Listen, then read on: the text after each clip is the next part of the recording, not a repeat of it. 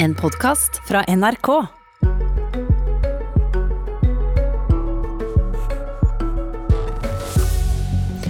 Allerede før koronakrisa ble det ropt varsko om økende medisinmangel.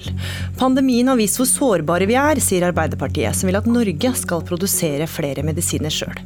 Trenger ikke statliggjøre den stolte industrien vi allerede har, svarer Høyre-politiker. Og i dag kommer nye økonomiske tiltak for en koronarammet industri, men kan alle alltid få mer? Ja, det er noen av sakene Ja, det er sakene faktisk i Politisk kvarter denne fredagen. I studio Gry Veiby.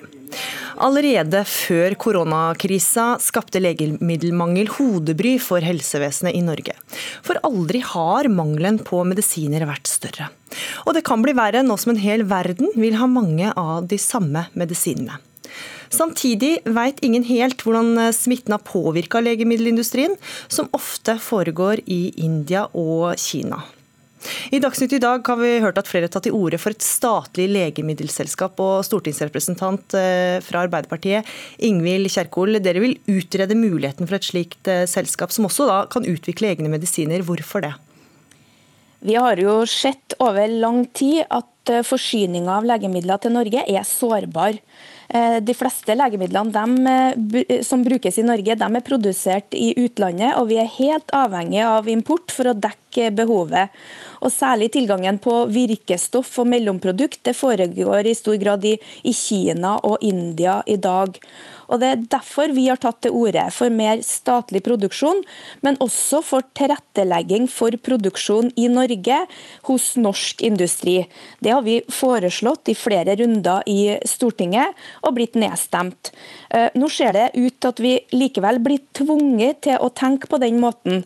Legemiddelverket, som er myndigheten i Norge, de ser nå på hvilke legemidler som kan produseres i Norge innen tre, seks og ni måneder frem i tid. Og Dette burde være en del av beredskapen vår, akkurat som lageret av smittevernutstyr også burde være det. Mm. Så dette bør vi se på første, og utrede. Først, og Stortingsrepresentant eh, for Høyre Sveinung Stensland. Eh, mye av medisinen som produseres i dag eh, skjer da i lavkostland som Kina og India. Og I India er det nå akkurat portforbud pga. koronakrisa, og Kina har som vi alle vet også vært rimelig hardt ramma. Så det er et ganske sårbart system dette. Hvorfor er det allikevel ikke en god idé å opprette et statlig legemiddelselskap? Det er en god idé å øke legemiddelproduksjonen i Norge, og det er et mål for eh, vil jeg tro alle partier på Stortinget. Så er vi litt uenige om om det er rett å lage et statlig, et statlig foretak som skal gjøre det. Ja, og Hvorfor er ikke det en god idé? Eh, først av alt fordi at eh, vi har allerede en industri rundt omkring i verden som håndterer dette. Og det er ingen land i verden som har løst dette med statlig legemiddelproduksjon. Og det er en stor fleksibilitet som er viktig her, for vi vet ikke hva som er mangelsituasjonen eh, neste år. Fordi det er tusenvis av legemidler som er i bruk. Hvis du tar en kikk inn på et norsk apotek, så vil du se skuffer på skuffer på skuffer med forskjellige legemidler. Og vi kan ikke være selvforsynt på alle de. Dette er et globalt marked. Og Så må vi skille mellom virkestoffproduksjon og ferdigvareproduksjon. Og Virkestoffene på patent, altså legemidler uten patent de produseres i stor grad i Østen fordi prisen er så lav. Og Det vi trenger er at flere vestlige land må jobbe sammen for å få mer virkestoffproduksjon i Europa. Og Det initiativet er allerede tatt, men vi er ikke i mål med det ennå. For Vi må, må få mer av produksjonen til høykostland, som har blitt mindre avhengige av Kina og India. For dette er sårbart, og dette har vært en debatt som har gått over lang tid. Mm, ja, Kjerkol, altså, Hvis vi går tilbake til statlige legemiddelfirma, da, som også SV har tatt til orde for. Men det å utvikle f.eks. egne legemidler som du foreslår, det kan ta 15 år og koster milliarder av dollar. Hvor, det, hvor skal vi ta de pengene fra? Vi må skille veldig tydelig på det å utvikle nye legemidler og det å få produsert effektive legemidler som eh, pasienter trenger hver dag i Norge, som ikke er underlagt eh, patentbeskyttelse. Systemet er jo sånn at eh, For industrien, som bruker veldig mye penger på å utvikle noe nytt, så får de en patentperiode hvor produktet deres er beskytta. Men mangelen handler jo i veldig stor grad om det vi kaller generisk generiske legemidler, der en hvilken som helst produsent kan produsere, fordi at oppskrifta er offentlig tilgjengelig for alle. Der, er, der har Sveinung Stensland i debatter med meg tidligere sjøl sagt at lønnsomheten er for dårlig. Hvorfor skal industrien gå den ekstra mila for et marked som knapt betaler for medisin? Sånn at Dette er jo en utfordring som hele den vestlige verden står i.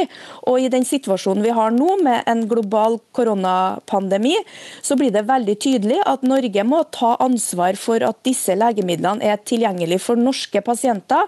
Og Staten kan gjøre det på mange måter, men et statlig farmasiselskap kan også være en mer effektiv industri industriell partner for den industrien som eh, Sveinung Stensland snakker om.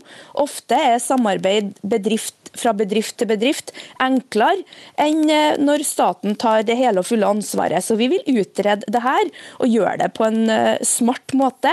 og Det er jeg overraska over at Høyre kontant avviser. For denne mangelsituasjonen har de ingen svar på. Mm. Ja, Stensland, Hvordan skal vi løse denne mangelsituasjonen? Vi er jo veldig avhengig av land som f.eks. Kina. Hvor lurt er det fra et beredskapsperspektiv f.eks.? Først av alt så har ikke vi kontant avvist noe som helst. og De forslagene som Arbeiderpartiet hevder vi har stemt mot, har vi stemt mot fordi at vi faktisk allerede er i gang med det. Og Det er ikke utredning som trengs nå, det er handling.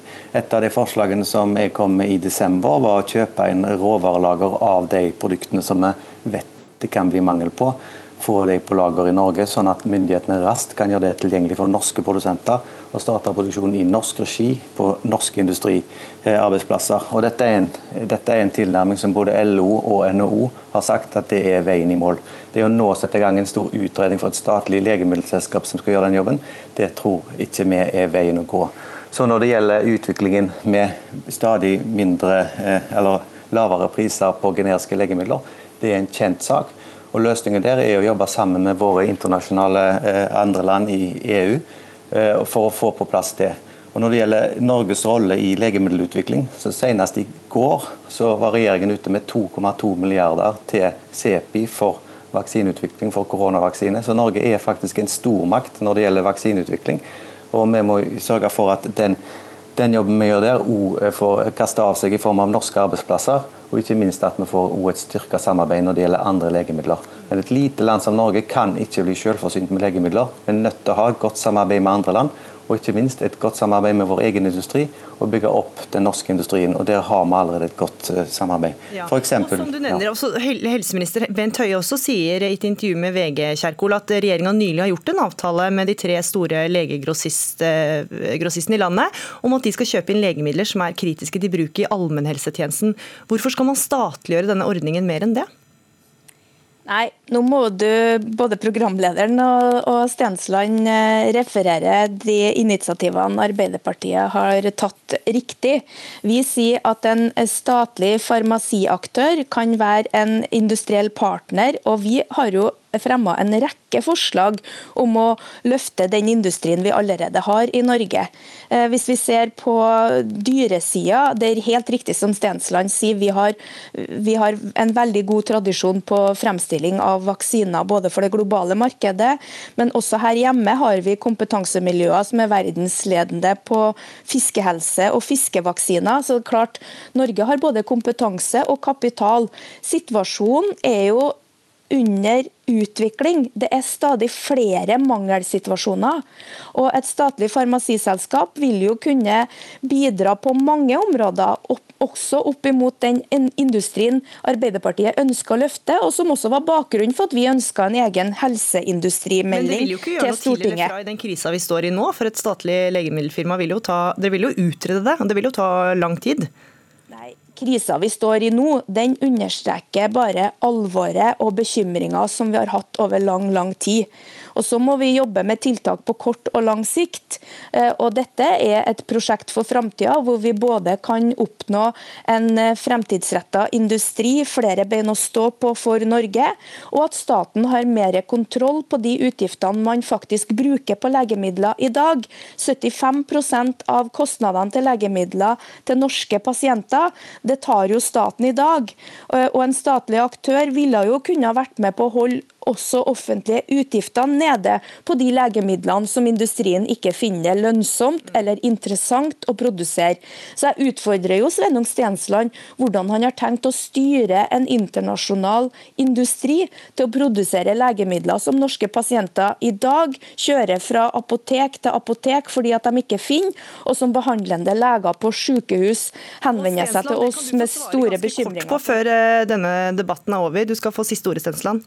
Krisen er global, og løsningene må være globale. Det er ikke lett å tro at eh, norske myndigheter skal styre den internasjonale farmasiindustrien på detalj hva vi trenger i Norge. Det vi må ha, vi må ha et velfungerende marked, vi må ha velfungerende industri i Norge og i Europa. Og Det som er jobb nummer én, er å få mer produksjon nær oss det er for sårbart å ha produksjon utelukkende i Kina og India. Der har industrien et stort ansvar for at det ble flagga ut, men nå må europeiske politiske ledere ta ansvar og få mer produksjon tilbake til Europa. Og vi må akseptere høyere priser for legemidler som har gått ut på patent, for å få det til. Og Da fikk du oppsummert alle poengene dine, Sveinung Stensland, stortingsrepresentant fra Høyre. Takk for at du var med i Politisk kvarter. Takk også til deg, Ingvild Kjerkol, stortingsrepresentant for Arbeiderpartiet. Abonner på Politisk kvarter som podkast og få sendinga rett til din mobil. Ja, um, mange bedrifter har måttet stenge drifta helt etter innføring av koronatiltak. Det gjelder bl.a. optikere, fysioterapeuter og frisører, som Nikita-gründeren Ellen Nikolaisen, som du hørte i Politisk kvarter tidligere denne uka. Hun har måttet permittere alle frisører og stenge alle salonger, samtidig som husleia løper. Og om få minutter så starter regjeringas pressekonferanse om kompensasjonsordning for bedrifter. Og kommentator her i NRK, Cecilie Cecilie Langum Becker, hva kan disse bransjene vente seg? Ja, eh, Vi vet jo ikke hva som kommer i den pakka ennå, det må jeg bare si. Men det er jo veldig stor forventning om at bransjen som har fått yrkesforbud, altså disse gruppene som du nevner her, de vil bli kompensert på en eller annen måte. At det vil komme en kompensasjonsordning. Så er det jo litt spennende å se hvor langt de har kommet i dette arbeidet. Det har vært jobbet med veldig mange forskjellige pakker eh, på veldig mange ulike plan. Vi har jo sett først, tidligere at først har, pakken kommet, at det har kommet en skisse til en pakke først, og så kommer detaljene senere. Sånn som f.eks. Eh, disse lånepakkene til små og mellomstore bedrifter og store bedrifter som kom for nesten to uker, søndag for nesten to uker nå. Eh, at det kommer en lovnad om at her kommer det, eh, og så kommer detaljene senere. sånn at eh, og så må det også gå runder i Stortinget på det som nå legges frem, men sannsynligvis så har de jo gjort en god jobb med forankring i forkant, sånn at dette har bred enighet. Og så er det jo et spørsmål som reiser seg der, for alle taper jo penger på denne krisa, også de som ikke fikk yrkesforbud, som de i dagens gruppe i praksis fikk. F.eks. da kollektivselskapene. De taper enormt med penger fordi folk ikke reiser lenger. Hvor mye penger kan staten Norge bruke på å kompensere for eh, tapte inntekter?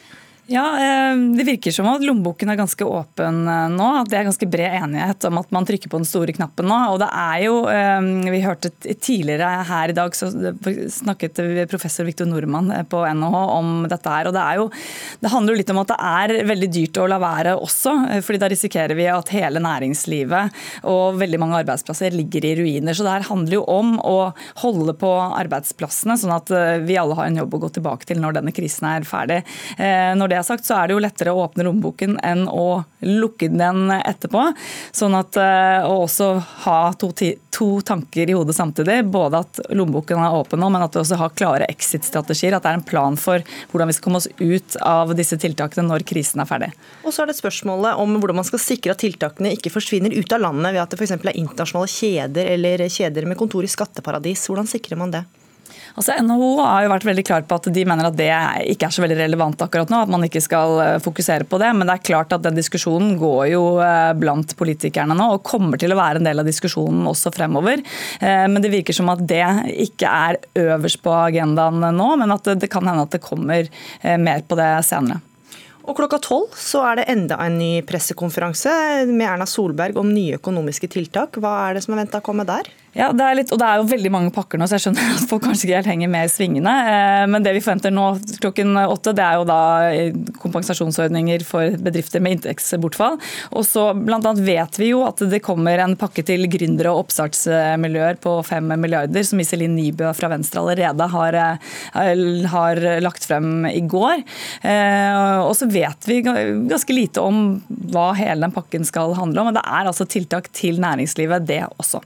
Og så presiserer stadig vekk Erna Solberg at det kommer mer penger. Hvorfor er det så viktig? Nei, Det er vel eh, også for å vite at de jobber jo på spreng nå. Eh, og så er det jo også snakk om kommunene, skal de få noe? Det har vi også hørt tidligere at kommunene de, eh, de ønsker jo også å få pakker. og Det kan jo også hende at det kommer etter hvert litt større, mer generelle pakker. Og fasiten på hva som kommer, så er det bare å følge med på NRK utover dagen. Politisk kvarter er over. Jeg heter Gry Veiby.